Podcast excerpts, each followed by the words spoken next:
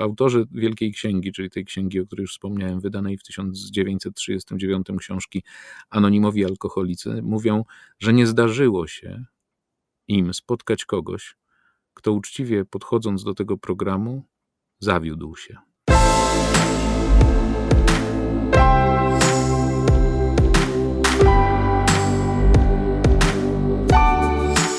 Najważniejsze.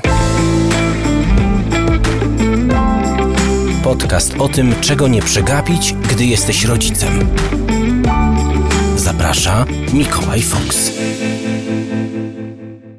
Ludzie mają niesamowitą umiejętność ukrywania swoich deficytów przed innymi, a często też przed samym sobą. Dopiero trudne sytuacje sprawiają, że na jaw wychodzą nasze ciemne strony. Taką sytuacją trudną i zarazem permanentną jest rodzicielstwo. Wymagania pracy zawodowej, codzienna opieka nad dziećmi, ich zdrowie, szkoła, emocje, rozwój. No i w tym wszystkim próba e, ocalenia, zachowania kawałka siebie. To wszystko sprawia, że najłatwiej byłoby pójść na skróty, użyć przemocy albo uciec dokądś lub coś, coś co przynosi pozorną ulgę. Jak się nie dać zwieść tym skrótom? i dotrzeć do pełni siebie. O tym y, w dzisiejszym odcinku podcastu. Ja się nazywam Mikołaj Fox, to jest podcast Najważniejsze. Live spotykamy się w każdy czwartek o 21, a następnego dnia możecie nas słuchać na Spotify i innych platformach podcastowych. Gościem dzisiejszego odcinka jest Rafał Porzeziński, dziennikarz, y, twórca programu Ocaleni, propagator 12 kroków.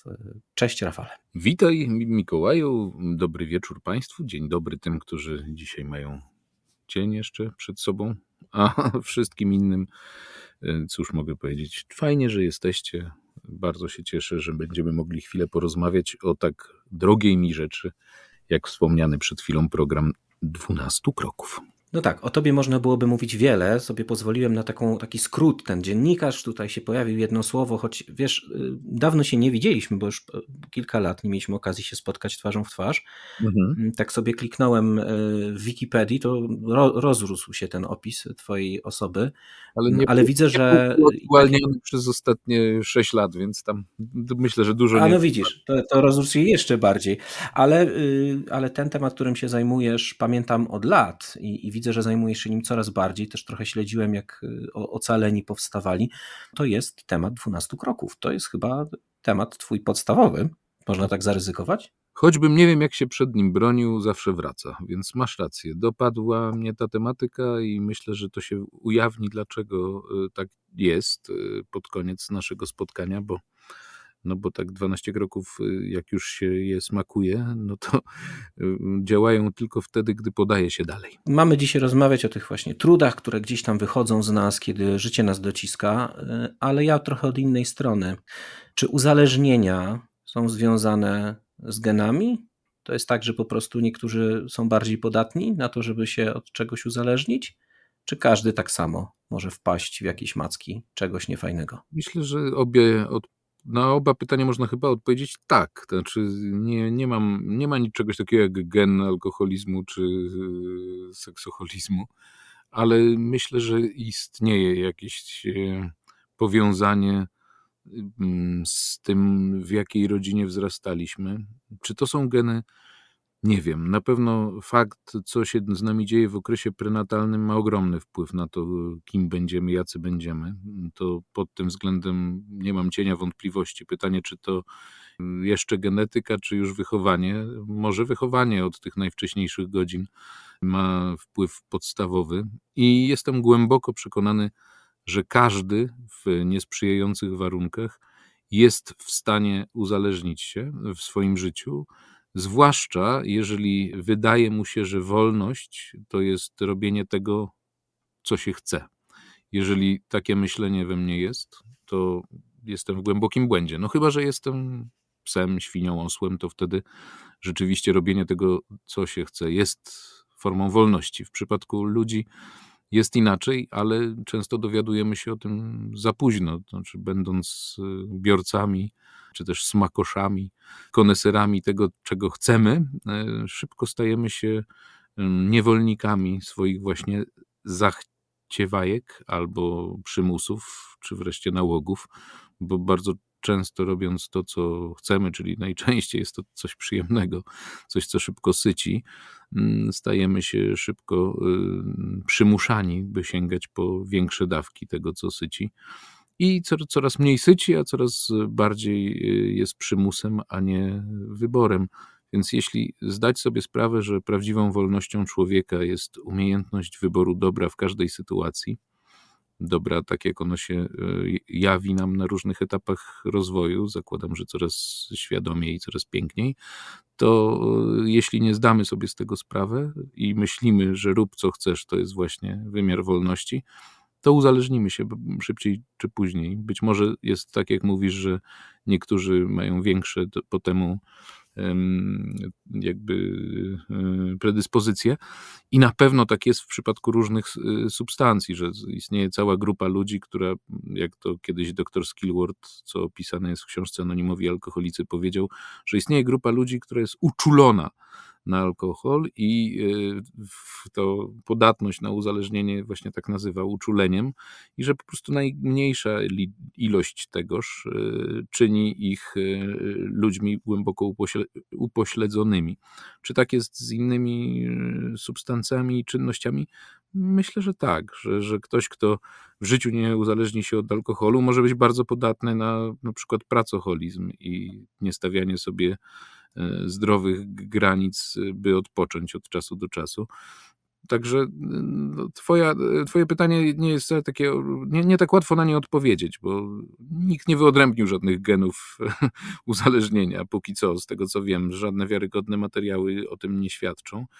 A jednak e, z pokolenia na pokolenie ten problem alkoholizmu, narkomanii, czy nawet hazardu, seksoholizmu na pewno, e, jakiejś niefrasobliwości, jest przekazywane.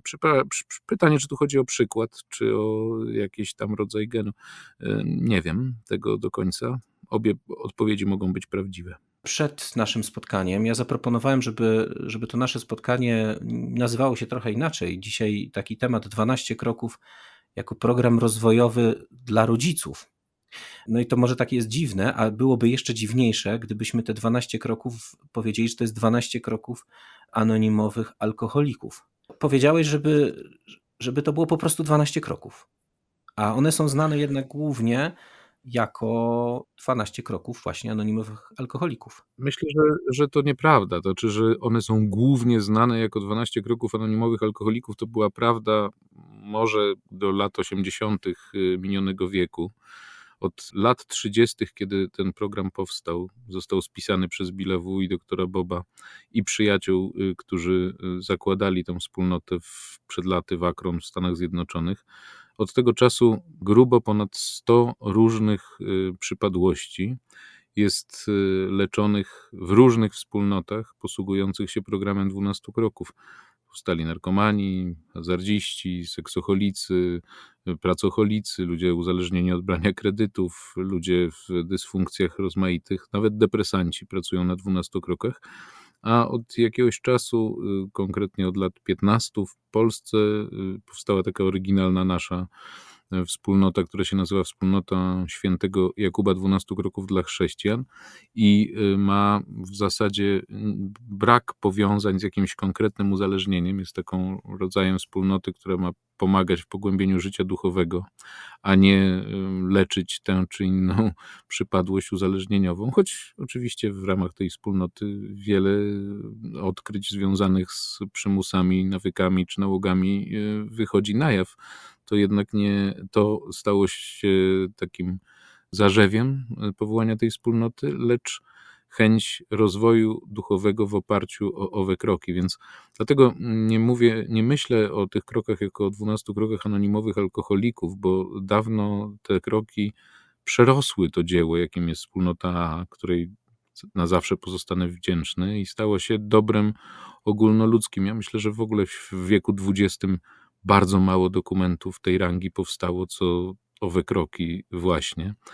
I choć no wielu, i bardzo dobrze pamięta, że źródłem e, tych e, kroków jest potrzeba pokonania tego demona, jakim jest alkohol, to dzisiaj y, naprawdę myślę, że zdecydowana większość ludzi będących na programie 12 kroków nie ma nic wspólnego z alkoholizmem. Cieszę się, że o tym mówisz. Trochę to było też moim celem, żeby pokazać, że to nie jest program, który należy ograniczać do 12 kroków e, dla właśnie anonimowych alkoholików, ale że można go zobaczyć szerzej. I w ogóle poprosiłem Cię o rozmowę dzisiaj, bo coraz częściej spotykam się z rodzicami, z osobami dorosłymi, które są odpowiedzialne nie tylko za siebie, bo w ten sposób chyba należy mówić o rodzicach, że to są dorośli, którzy orientują się, że już nie odpowiadam tylko za siebie, ale że mam kogoś innego pod swoją opieką. Nagle się okazuje też, że jakieś trudne rzeczy ze mnie wychodzą w czasie tej opieki, w czasie, w czasie tego bycia dla kogoś,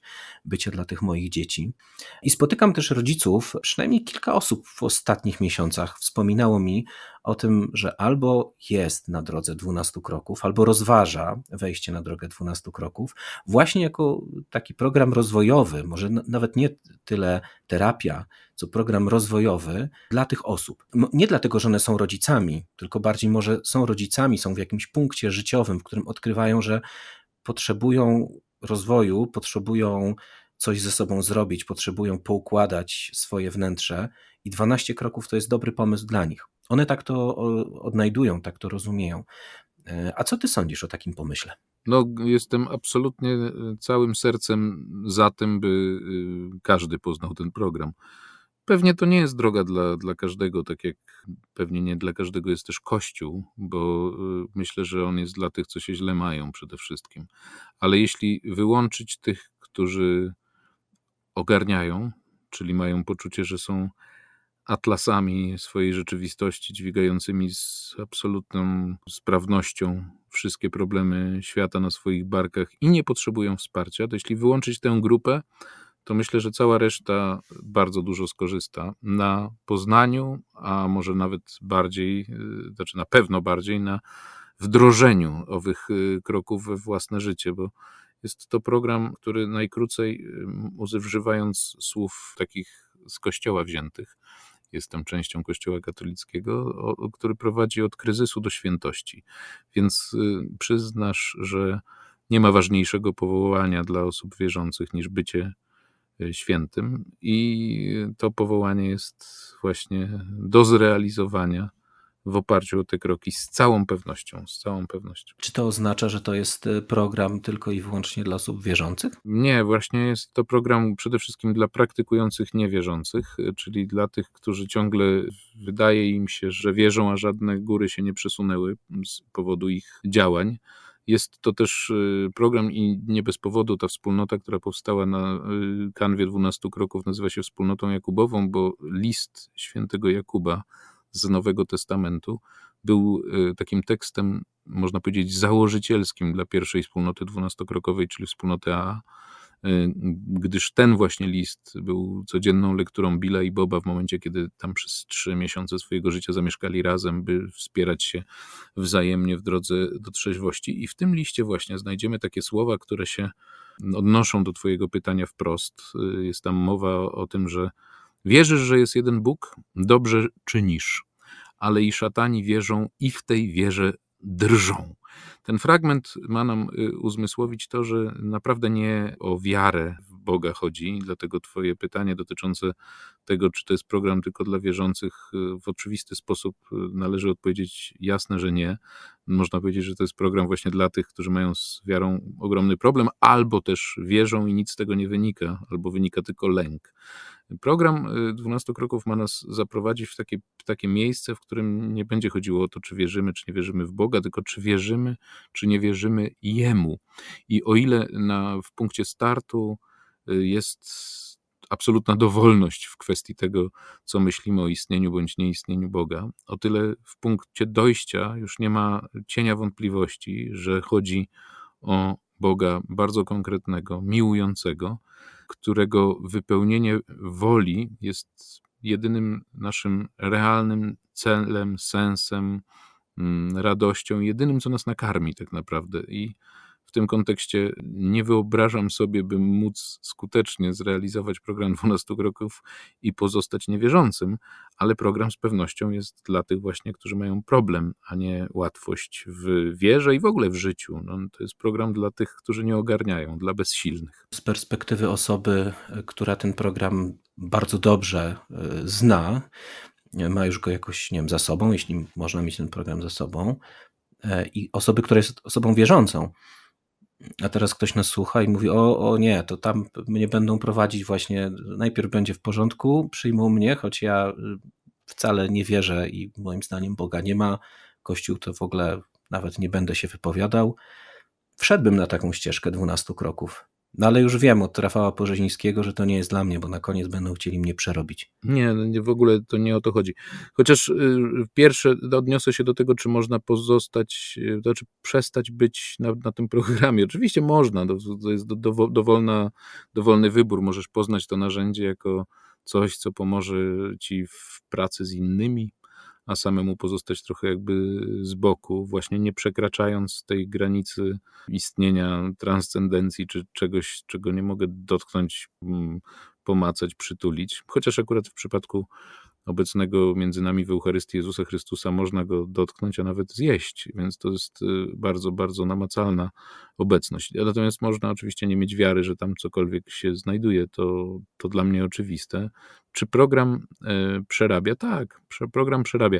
Y, nie, nie lubię myśleć, y, jak ktoś mówi, czy przerobiłeś program 12 kroków? Nie, nie. Program mu się nie przerabia. On pozostaje niezmienny, trwały, stały i prowadzący właśnie do tego celu, o którym mówiłem, czyli do wypełniania woli Boga.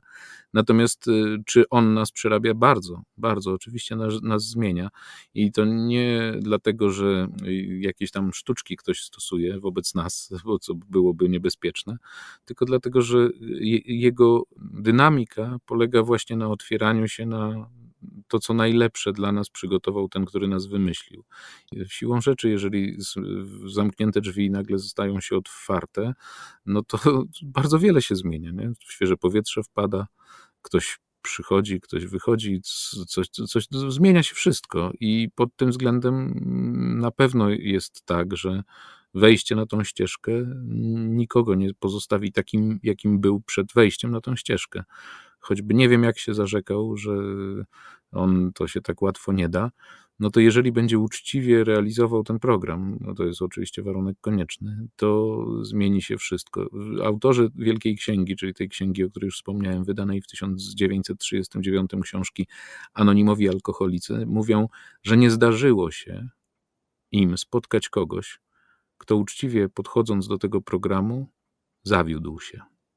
To jest bardzo y, zgodne z moim doświadczeniem też, że jeżeli ktoś potraktuje ten y, plan y, życia jako swój, nie zawiedzie się, to znaczy dostanie znacznie więcej niż oczekuje, że dostanie. To, to na pewno. I na to mam nie setki, tylko tysiące dowodów y, wśród osób, które sam spotkałem, z którymi sam rozmawiałem, więc mam no, bardzo du duże dosie dowodowe na ten temat. Czy da się y, zrobić te kroki i pozostać y, głupim? Oczywiście, no jasne, że tak.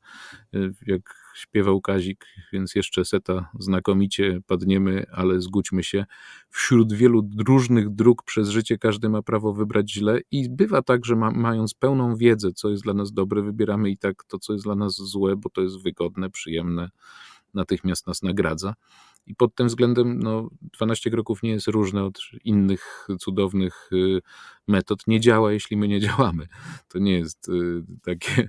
Samo wiesz, się nie zrobi sam, samo się nie nauczy angielskiego, tak? Musisz wykonać pracę ciężką y, i to codzienną. Nie, nie tam raz i działa, tylko codzienną. Chciałem ocalić ten program dla niewierzących, y, chyba z myślą o pewnym człowieku, który wiem, że tym programem wiele lat temu się zajmował. To był ojciec mojego dobrego kolegi, który chyba do końca swoich dni, a zginął tragicznie, deklarował się jako, albo właśnie nie deklarował się, e, a może gdzieś tam w sercu się już zadeklarował jako osoba wierząca, bo też często słyszę o takich historiach, że te 12 kroków konfrontuje cię bardzo mocno z takim pytaniem, o to, czy jest ktoś więcej y, i, i, i, co z tym zrobić. Ale to może, żeby nie pytać Cię dokładnie o to, to chciałbym, żebyśmy, nie wiem na ile to jest możliwe, czy to nie jest jakiś sekret, ale gdybyśmy trochę jednak przeszli przez te kroki. Ja nie mam tego szczęścia, może ono przede mną, żeby mieć doświadczenie tego programu.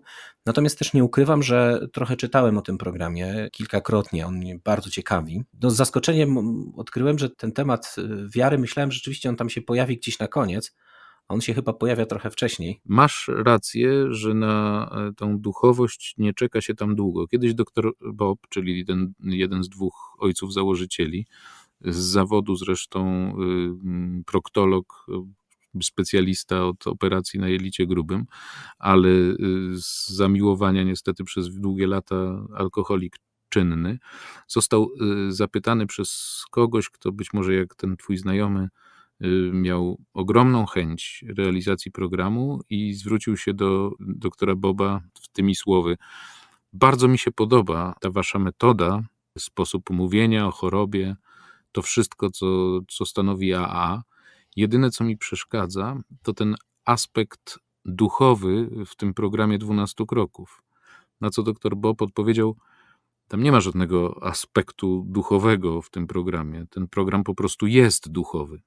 Myślenie o dwunastu krokach w oderwaniu od Boga jest tak, jakbyś myślał o dekalogu w oderwaniu od Boga. On jest o Bogu. Ten program jest o naszej relacji z Bogiem. Nie ma opcji jakiejś B. C. Oczywiście powstały w wyniku ludzkiej słabości jakieś próby spisania 12 krokach z pominięciem Boga, no ale to jest dokładnie to, jakby ktoś teraz 10 przykazań y, postanowił robić bez pierwszej tablicy. Pewnie coś można skorzystać, tylko o ile druga tablica 10 y, przykazań, y, proszę wybaczyć, to niedoskonałe porównanie, ale ono oddaje pewne, pewne zawiłości tego, czym jest 12 kroków. O ile druga tablica, można ją traktować rzeczywiście w oderwaniu od Boga, tam o ile dobrze pamiętam, nie pojawia się e, słowo Bóg. O tyle w dwunastu krokach Bóg jest obecny od początku do końca. Może pierwszy krok jest takim miejscem, w którym uznajemy bezsilność i że nie kierujemy naszym życiem, i tutaj jeszcze możemy uznać się za totalnych ateuszy, i, i, i wszystko jest na miejscu. Nie, nie jesteśmy tutaj wyobcowani. Ale e, by w ogóle ruszyć w pracy na mitingach anonimowych alkoholików przed laty, w tych latach 30. minionego wieku, to y, żeby zostać wpuszczonym na meeting, które z definicji były wtedy zamknięte dla osób chorych, a dzisiaj to różnie bywa, są meetingi otwarte, zamknięte, różne, zresztą tak jak mówiłem, ponad 100 różnych przypadłości tymi krokami się próbuje y, okiełznać, czy też zaleczyć, y, zatrzymać, nie? to wówczas, żeby w ogóle przyjść na meeting, których wtedy nie było tak wiele, był tam w Nowym Jorku, był w Akron, był w Cleveland, niedaleko Akron, w stolicy stanu Ohio i y, no może tam 10 tych grup było na początku, to przez te trzy pierwsze lata, żeby wejść w ogóle na meeting, musiałeś zrobić trzy pierwsze kroki, czyli a. Uznać, że jesteś bezsilny, akurat w przypadku alkoholików wobec alkoholu i nie kierujesz własnym życiem. B. Uznać, że nie ty jesteś Bogiem, czyli w drugim kroku uznać, że istnieje siła większa od ciebie, która może przywrócić ci duchowe zdrowie. To oznaczało na początek, na przykład, że uznawałeś ową wspólnotę za potężniejszą od ciebie i która może ci przywrócić duchowe zdrowie. Ale uwaga, żeby wejść na meeting, potrzeba było czegoś więcej niż dwa pierwsze kroki. Trzeba było jeszcze na kolanach powierzyć swoje życie i swoją wolę w opiece tego Boga, którego odkryliśmy w drugim kroku. I dopiero zrobiwszy te trzy kroki, które były takim prewspólnotowym y, podejściem, czyli drzwiami, przez które wchodziło się do wspólnoty, dopiero zrobiwszy te trzy kroki, mogłeś przyjść w ogóle na meeting. Czyli czy miałeś wiarę, czy nie. Miałeś uznać, że potrzebujesz pomocy, stwierdzić, ja nie mogę, uznać, że jest ktoś potężniejszy od ciebie, kto może, i pozwolić mu działać. I do, dopiero to, to zrobienie tych trzech kroków otwierało drzwi. I przyznasz, że no bardzo trudno było e, wypowiedzieć te słowa osobom, które nie mieli żadnej wiary, a doświadczenia na przykład z Kościołem e, były dla nich e, tylko traumatyczne. Zresztą dla jasności zarówno Bill, jak i Bob nie byli jakoś szczególnie pobożnymi, y, praktykującymi, y, wiernymi. Doktor Bob był synem pastora i raczej religia kojarzyła mu się z opresją, ale nie zmienia to faktu, że dwunastokrokowy program jest niewątpliwie programem religijnym. Dlaczego tak jest?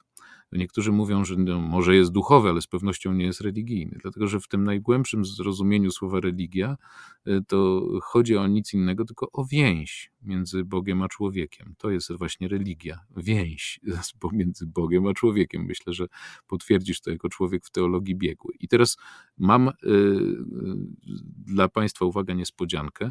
Ten program prowadzi właśnie do tego. Jedenasty krok, już tak spoilerując nieco, który jest w moim odczuciu całym sensem tego programu, mówi o tym, że poprzez modlitwę, medytację szukaliśmy coraz głębszej, uwaga, więzi z Bogiem, prosząc jedynie o rozeznanie Jego woli wobec nas i siłę do tej woli pełnienia. Czyli to jest punkt dojścia. Potem jest krok dwunasty, który mówi o tym, żeby to podać dalej, żeby stosować te zasady, które tam przyrobiliśmy w poprzednich krokach we wszystkich aspektach życia, ale jakby celem y, poczucia, znaczy to, co daje nam wolność, to jest wypełnianie woli Boga. I to jest niesamowite. Na pewno nie ma szans być w tym programie i nie wierzyć w Jego miłość, nie? bo to jest jakby też opisany takim dodatkowym dokumentem, który ta pierwsza wspólnota krokowa, czyli AA stworzyła, czyli tak zwanymi dwunastoma tradycjami, w której w drugiej tradycji stoi, że w AA nie ma żadnych autorytetów. Jedynym autorytetem we wspólnocie jest miłujący Bóg, tak jak on się objawia w sumieniu.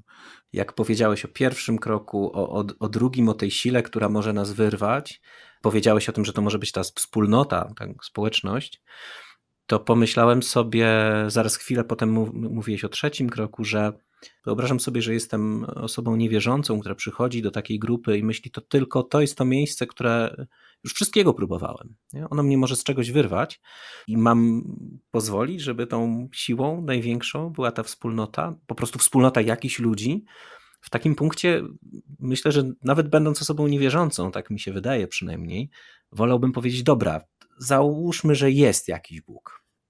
Zaryzykujmy to, trochę jak w zakładzie Pascala.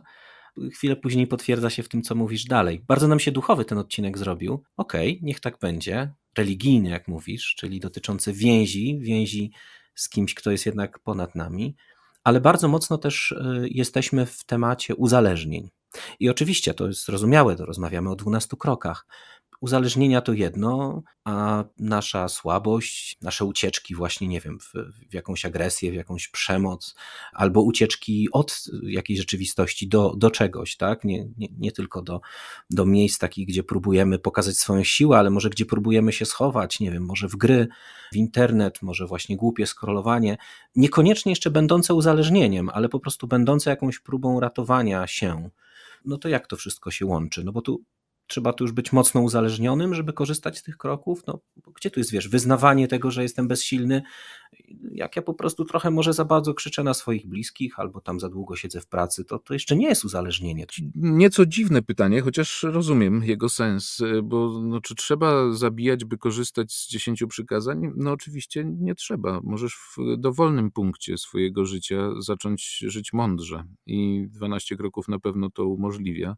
Jak już zrobisz te pierwsze trzy kroki, które jak przed chwilą to mm, zostało tu wypowiedziane, e, stawiają cię w takim punkcie, że powierzasz swoje życie i swoją wolę w opiekę tej, tej sile, która jest kochająca, no to wtedy zaczyna się prawdziwa praca i rozpoznawanie tego, o czym mówisz, co jest moim uzależnieniem, co nawykiem, co moją wadą, co i tak dalej. I bo czwarty krok mówi o czymś, co chrześcijaństwo już dawno odkryło jako rachunek sumienia i ma właśnie ten czwarty krok pomóc mi zrobić taki gruntowny obrachunek moralny, czyli rozpoznać wszystko to, co we mnie siedzi, leży, wisi i szkodzi.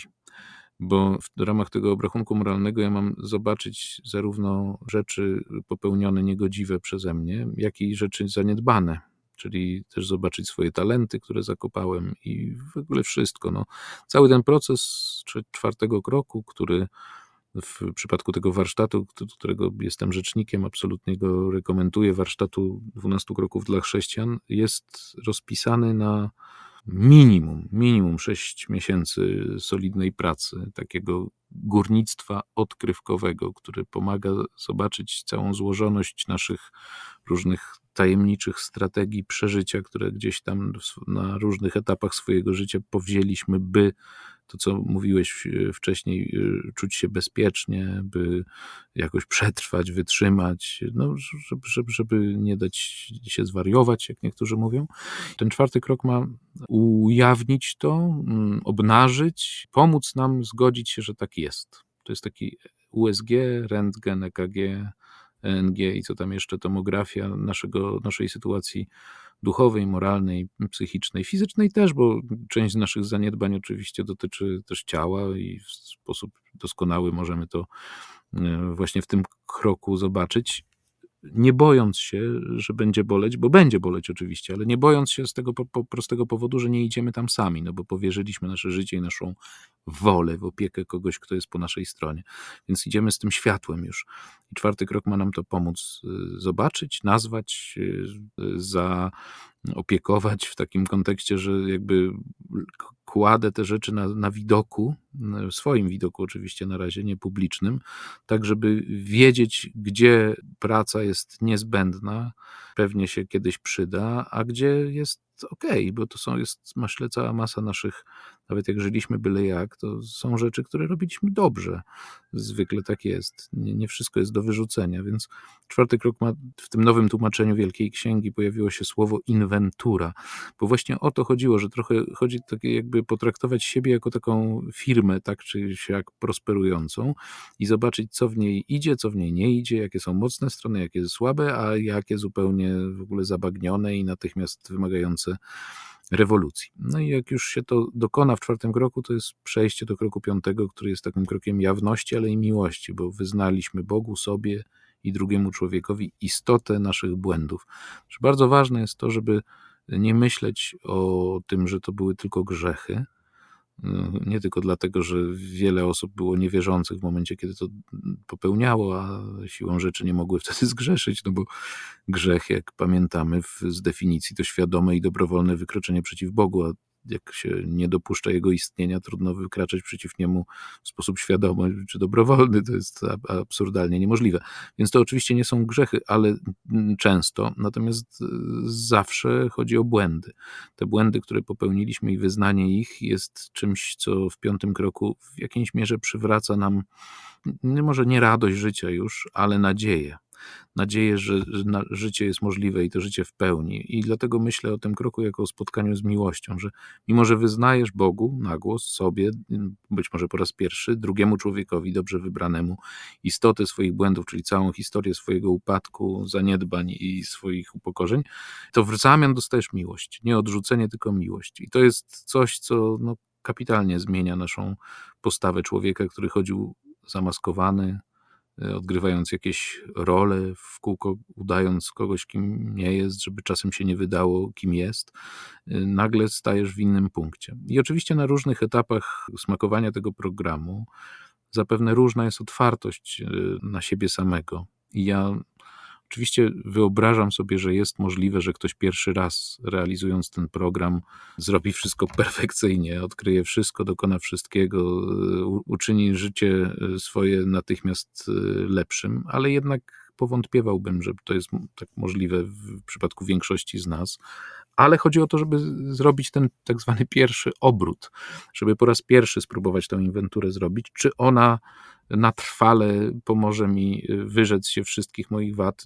Tego jeszcze nie wiem, to jest przestrzeń kolejnych kroków, bo w szóstym i w siódmym kroku jest mowa o tym, że najpierw, że staliśmy się całkowicie gotowi, żeby Bóg uwolnił nas od wszystkich wad charakteru, wszystkich wad charakteru, a w y, kolejnym kroku pokornie prosimy, żeby to się dokonało, żeby, żeby zostać z tego wszystkiego uwolnionym. I tutaj no, ogromna się pojawia przestrzeń takich y, prawd o nas, które mówią, że niektóre wady nam po prostu służą, że ciężko nam jest sobie wyobrazić życie bez nich. To zmaganie, które no, siłą rzeczy przychodzi, jest też takim bardzo ciekawym egzaminem na naszą dojrzałość, na to, czy chcemy dorastać do roli człowiecza, człowieka, czy też nadal pozostać w krótkich spotenkach i tak trochę się wozić w tym życiu, mając te swoje rozmaite ucieczki, rozmaite schowki, właśnie maseczki, pod którymi łatwo nam się, może nie, nie jakoś super szczęśliwie, ale funkcjonuje się na tyle skutecznie, że nie myślimy o zmianie. No 12 kroków to obnaża. A da się w ogóle pozbyć tych skrytek? Nie jest tak, że do końca życia jednak każdy jakąś swoją skryteczkę małą, może nawet z tą dużą sobie poradził, ale potem się pojawia jakaś, jakaś inna, jakaś, jakaś mniejsza. Mhm. No, charakter jest czymś, co ewidentnie podlega zmianie, jak wiemy. Nie? Temperamenty nie, ale charakter możemy nad nim bardzo pracować. I oczywiście jest taka metoda ostrzenia gwoździa, że jeżeli będziesz długotrwale siedział na gwoździu, który będzie coraz ostrzejszy, no to może zechcesz go wreszcie opuścić. Więc jeżeli twoim naturalnym sposobem na komunikowaniem się ze światem jest kłamstwo, no to zrób wszystko, żeby to kłamstwo bolało cię jak najbardziej, czyli za każdym razem, gdy sięgniesz po nie, dotrzyj do wszystkich miejsc, gdzie, on, gdzie ono dotarło, odszczekaj to i powiedz jeszcze najlepiej, dlaczego tego kłamstwa użyłeś i co sobie w ten sposób załatwiłeś.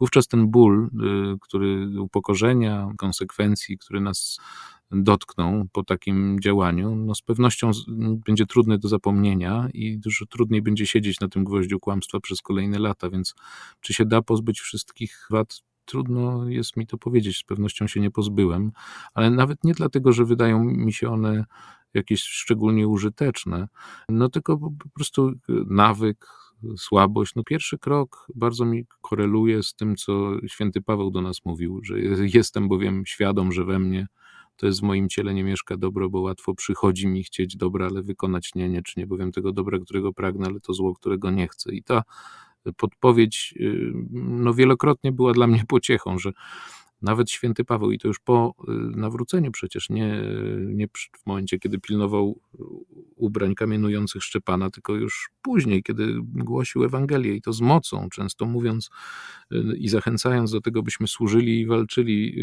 y, z naszymi pokusami aż do krwi. Także on mówi, że jest nadal łatwiej mu zrobić dobro, zło, którego nie chce, niż dobro, którego chce. No to cóż, dopiero ja. Natomiast ten moment, w którym ta gotowość w nas pojawia się, żeby oddać Panu Bogu nasze wady, to jest też moment, w którym się zdajemy, że On nie zabierze niczego, czego nie oddamy właśnie. To nie jest, On nie chce z nas robić niewolników, którym będzie wyszarpywał nasz alkoholizm, seksoholizm, y, kłamstwo, lenistwo czy cokolwiek innego. Musimy to położyć na Jego ręce. Jak to się stanie, jak dokona się to położenie, to On to przyjmie też nie, nie schowa do kieszeni, nie schowa za plecy, nadal będzie na, na, tej jego ręce to leżeć, więc w każdej chwili będę mógł to na nowo wziąć się tym udławić, y, zakrztusić, y, nasycić y, w sposób chory, ale nie, nie zostanie to mi wciśnięte na siłę. Muszę to z powrotem zabrać, znowu po to sięgnąć, no, czyli jakby świadomie odebrać to, co zostawiłem u, u Pana Boga. Bardzo mi się to podoba, bo to jest takie mm, podejście bardzo podmiotowe do człowieka, który ruszył tą marszrutą i myślę, to trzeba zauważyć, że ani Bill, ani Bob to nie byli jacyś y, w żaden sposób nie byli przygotowani teologii. No, ten był synem pastora, co prawda, no, ale drugi był maklerem giełdowym i w ogóle nie mieli nic wspólnego z pisaniem książek, czy z budowaniem jakichś programów duchowych, z terapią itd., tak itd., tak a jednak stworzyli coś tak spójnego, zarówno z, z chrześcijaństwem na pewno. No, obaj byli chrześcijanami, to akurat mnie nie dziwi, że, że to się im tak złożyło. Jeszcze te inspiracje z listu Jakubowego. I warto też wspomnieć o drugim takim filarze, na którym się ten program fundował, tworzył.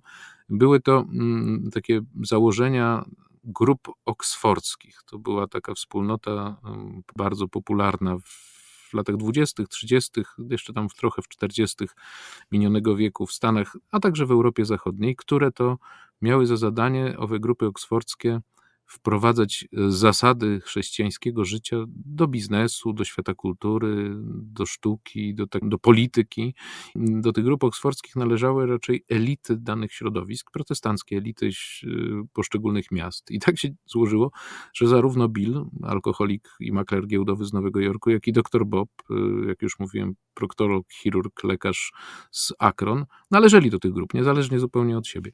I te założenia, które bardzo szczytne były, no, które mówiły o tym, żeby nie budować na pieniądzu, tylko właśnie budować na, na, na tym etosie y, obecnym w Ewangelii, sprowadzały się do takich czterech absolutów, czyli takich nie tyle wódek absolut, tylko czterech takich filarów, na których warto stawiać. I pierwszym z nich była absolutna bezinteresowność, co jest samo w sobie już bardzo z biznesem trudno to pogodzić, ale jednak to był jedna z, jeden z tych filarów, bezinteresowność, czyli szukanie dobra innych w, w każdej sytuacji, oczywiście nie zapominając o dobru swoim, ale żeby nie, nie czynić z tego, co robię, zawsze interesu, biznesu. Drugim była absolutna czystość, i to zarówno ta czystość y, myśli i intencji, jak i czystość działań.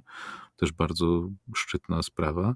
Trzecim była absolutna prawda. To już w ogóle jesteśmy tutaj rozbrojeni i położeni na łopatki, no bo chętnie sięgamy po piłatowe, czymże jest prawda i, i każdy ma swoją prawdę, nie? i tam moja jest prawda no, najmojsza.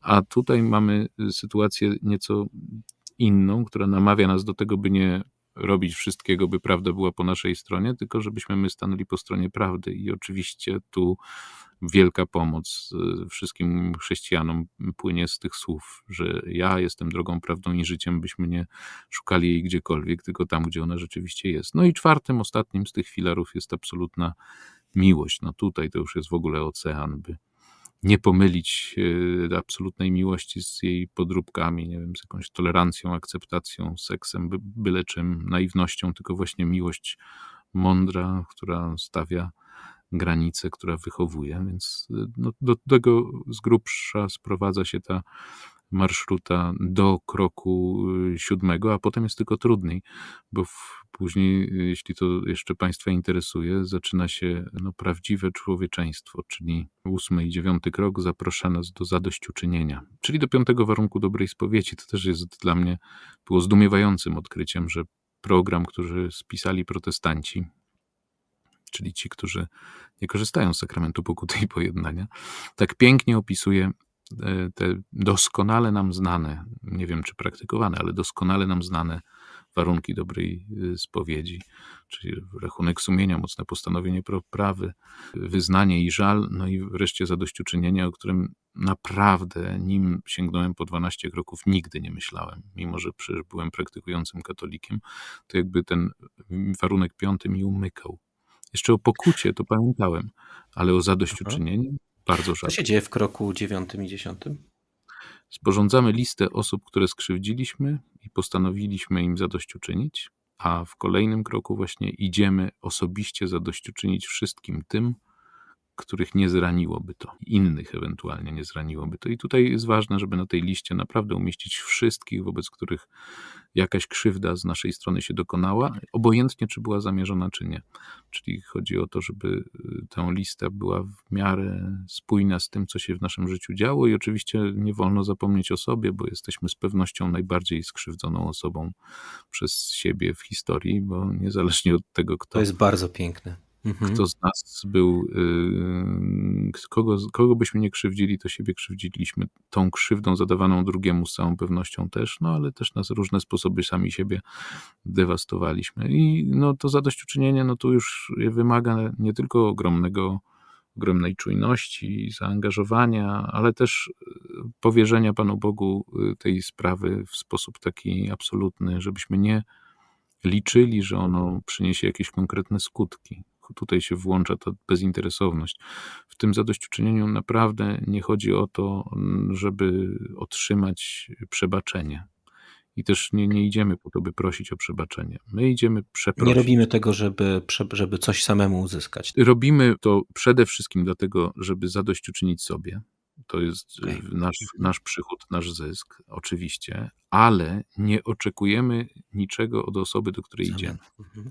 To bo my dostaniemy bo oczywiście bardzo dużo, tylko że nie od niej, od niej być może również, ale nie przede wszystkim od niej, tylko od tego, który nas na tę drogę zaprosił, czyli od Boga.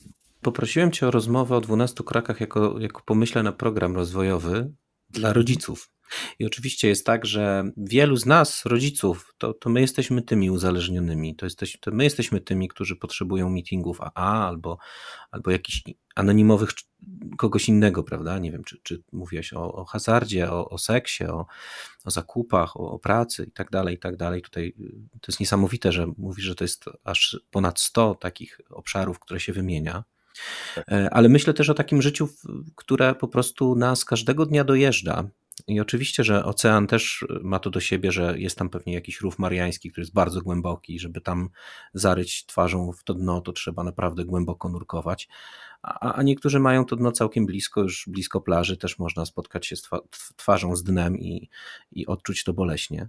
Może być tak, że ktoś e, nie jest w stanie przebywać w swoim własnym towarzystwie, bo bo jest głęboko uzależniona od, od, alkoholu, ale może jest tak, że widzi, że po prostu krzywdzi słowem swoich bliskich i, i to sprawia, że, że czuje się zupełnie bezradny. I myślę sobie o takich sytuacjach właśnie może mniej takich uzależnieniowych, mniej takich, gdzie, gdzie, gdzie już kompletnie straciliśmy panowanie, bo, bo nagle zaczęliśmy, nie wiem, sprzedawać e, pamiątki rodzinne, żeby tylko kupić kolejną małpkę. Może bardziej o takich sytuacjach bezradności codziennej, kiedy nasze emocje, kiedy, kiedy nasze, e, nasze zachowanie po prostu wymyka nam się spod kontroli, bo, no, no, no bo ciężko już o siłę. Jak tutaj skorzystać z tych 12 kroków? Bo to w takiej sytuacji chyba najbardziej my czujemy się ofiarą samych siebie.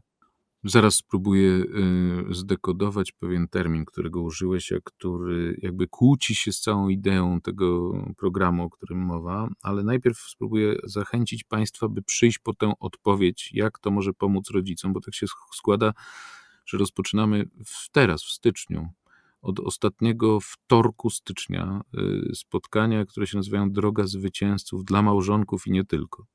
W ramach tych spotkań, których będzie 12 przez kolejne miesiące roku, myślę, że na to pytanie, które przed chwilą postawiłeś, spróbuję bardzo pobieżnie, bardzo skrótowo, ale jednak w miarę skutecznie odpowiedzieć, bo z, z pewnością każdy może osiągnąć w wyniku pracy na tym programie więcej niż, niż myśli, że może. To, to, to na pewno. To znaczy on jest, ten program jest zaskakujący pod wieloma względami zmienia nas. Nawet jeżeli nasze życie nadal jest szare, burę, nasze po prostu, to jakby nasza postawa w nim diametralnie ulega zmianie.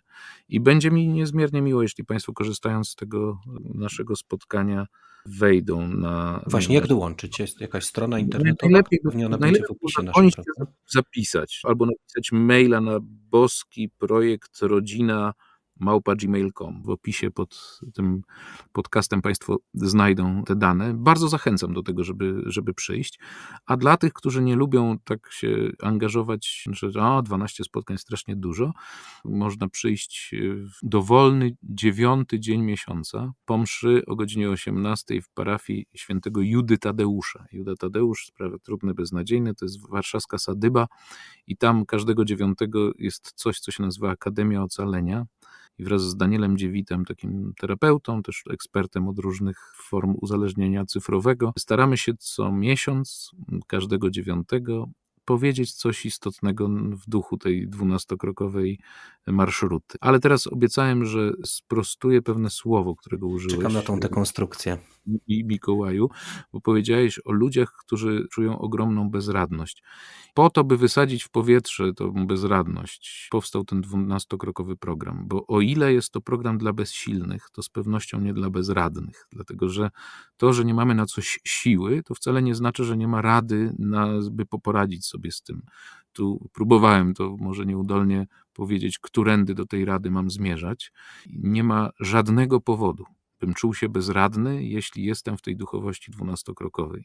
To świetnie uzmysławia nam taka modlitwa o pogodę ducha, która jest, powstała poza wspólnotą dwunastokrokową, ale została rozpopularyzowana właśnie przez te wspólnoty krokowe, która mówi o tym, że Boże, użyć mi pogody ducha, abym godził się z tym, czego nie mogę zmienić, odwagi, żebym zmieniał to, co mogę zmienić i mądrości, żebym odróżniał jedno od drugiego. I to jest właśnie ta rada na to, żeby nie czuć się bezradny, bo rada jest. Zwykle mają Pan Bóg i ona jest czasami wymagająca bardzo wielu wyrzeczeń, ale to nie jest tak, że jesteśmy bezradni, bo gdybyśmy byli, no to to już nie ma sensu, nie, nie ma rady, z kamieniem do dna, Mhm. jak mówiła moja babcia. Ale y, bezsilność to jest coś bardzo pożądanego. To I to jest bardzo ważny też element, na który chcę zwrócić uwagę. Nie wiem, ile jeszcze mamy czasu na podzielenie się tymi intuicjami. Możemy mieć trzy minuty. Otóż y, zanim powiem o kroku 10, 11 i 12 w minutę, to chcę powiedzieć, że bardzo ważnym elementem zadośćuczynienia jest też wybaczenie osobie, do której idę zadośćuczynić. Bo rzadko jest tak, że wina jest jednostronna. Ja mam w sercu wybaczyć, tak jak mówi to modlitwa Ojcze Nasz, odpuść nam nasze winy, jako i my wybaczamy. No i potem jest dziesiąty krok, codzienny obrachunek moralny, jedenasty, o którym już wspominałem, modlitwa, medytacja i szukanie woli Boga oraz dwunasty, czyli stosowanie tych wszystkich zasad odkrytych w 12 krokach we wszystkich poczynaniach w swoim życiu. Dlatego to nie jest program, który się robi raz, tylko którym się po prostu żyje i przekazywanie go dalej tym, którzy ciągle cierpią. To z grubsza to wszystko się w 12 krokach zawiera. Bardzo zachęcam do tego, by Państwo zainteresowali się tym programem i w ramach tej spotkań dla małżeństw i nie tylko, Droga Zwycięzców, będę o tym mówił.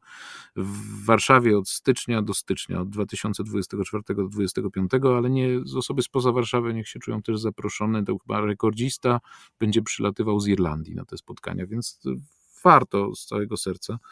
Nie są jakoś zaporowo drogie, a na pewno będą miały dużo, bardzo dużo treści. Dla tych, którzy już są zdecydowani, by robić warsztaty, to też zachęcam, jest taka strona 12kroków.com.pl, ale to już wymaga solidnego zaangażowania, trzyletniego przynajmniej, cotygodniowych spotkań i dużo pracy pisemnych. Więc jeżeli ktoś nie jest pewny, czy 12 kroków dla niego, to zapraszam na tą drogę zwycięzców. Będę tłumaczył, dla kogo one są. Wierzę, że dla każdego, kto nie ogarnia. Dla tych, co wszystko ogarniają, to nie bardzo tam jest co robić. Ale Czyli dla każdego. Bo nie ma takich, co wszystko ogarniają. Nie wiem, nie wiem, może, może są, Nie tylko ich nie spotkałeś znam. po prostu. Mhm. Ty spotkałeś? Ja nie wiem, może są, nie wiem, no, może są. Na pewno jest bardzo wiele osób, które myślą, że wszystko ogarniają. To jest spora kategoria, duża grupa. Wiesz co, to też jest chyba tak, że, że też mamy różne okresy w życiu, prawda? I Jest czasem tak, że, że zaznajemy czegoś, co jest bardzo piękne, takiego względnego spokoju i może też wtedy brak konfrontacji z, z jakimiś potężnymi góra, górami, na które się trzeba wspinać, no sprawia, że mniej, mniej tych kłopotów gdzieś tam wychodzi, takich, które są w nas. No. No, Może to jest po tak, prostu tak. Pewnie tak jest. 12 kroków jako program rozwojowy dla każdego, dla rodziców, dla tych, którzy są e, odpowiedzialni za innych małych ludzi, którzy rosną też. To jest taki w ogóle wyjątkowy czas, bo nasze dzieci pewnie potrzebują nas zdrowych nie tylko na ciele, ale, ale i w tej sferze emocjonalnej, duchowej. Potrzebują nas teraz, a nie kiedyś, jak już No, skończy się nasza taka rola podstawowa. nas nie tylko zdrowych, ale i obecnych, co jest jeszcze ważniejsze. Ja, czasami nam się wydaje, że da się być y, z dziećmi przez telefon. Nie, nie, nie da się. No tak, ale tutaj też wyzwanie. Nie? Niektórzy powiedzą, no właśnie, to ja wolę zostać z dziećmi w domu, zamiast tutaj e, iść na 12 kroków. I kto wie, może jeśli ktoś, ktoś nie potrzebuje takiego wsparcia, nazwijmy je rozwojowego, może tak, czy terapeutycznego, to nie, nie mam tu dobrego słowa, to może dobrze, a, a jeśli potrzebuje, no to też jest jakaś opcja i to jest, to jest ta opcja, o której dzisiaj rozmawialiśmy. Bardzo Tobie, Rafale, dziękuję za to, że, że znalazłeś czas. Dzisiaj w ogóle troszkę wyjątkowo, bo nie spotykaliśmy się e, live z różnych przyczyn, ale, ale grunt, że się udało spotkać. E, Przypomnę, Rafał Porzeziński, dziennikarz, twórca programu Ocaleni, e, propagator 12 kroków. Coś jeszcze byś dodał do, do tego przedstawienia? Tylko, że y, nie, nie spotykamy się na żywo z mojej winy, bo umówiliśmy się na konkretny termin czwartkowy, ale właśnie owe 12 kroków wysyła mnie na Islandię, by tam mówić o tym programie i nie sposób było odmówić. Islandii nie widziałem, a nie wiem, czy sobie Państwo zdają sprawę, na Islandii jedna dziesiąta mieszkańców to Polacy. To jest niesamowite. Ja nie wiem, czy jest drugi kraj, gdzie y, jedna dziesiąta mieszkańców to Polacy, oprócz Islandii. Chyba nie. E, No, bo oczywiście poza Polską, gdzie jest dużo więcej niż 10%, ale wszędzie indziej, no to byłbym zdziwiony, jakby gdzieś było 10% Polaków, a tam jest. Zapraszam za tydzień. Za tydzień o wielkiej rewolucji w, w świecie edukacji wyższej. O, studia wyższe przeżywają wielką rewolucję na naszych oczach. Dzieje się to dokładnie w Warszawie za sprawą pewnej bardzo nietypowej uczelni. O niej porozmawiamy za tydzień. Na tą rozmowę bardzo serdecznie zapraszam. Ja się nazywam Mikołaj Fox, kłaniam się nisko, zapraszam do kliknięcia w linki, które są w opisie do odcinka i mówię do usłyszenia.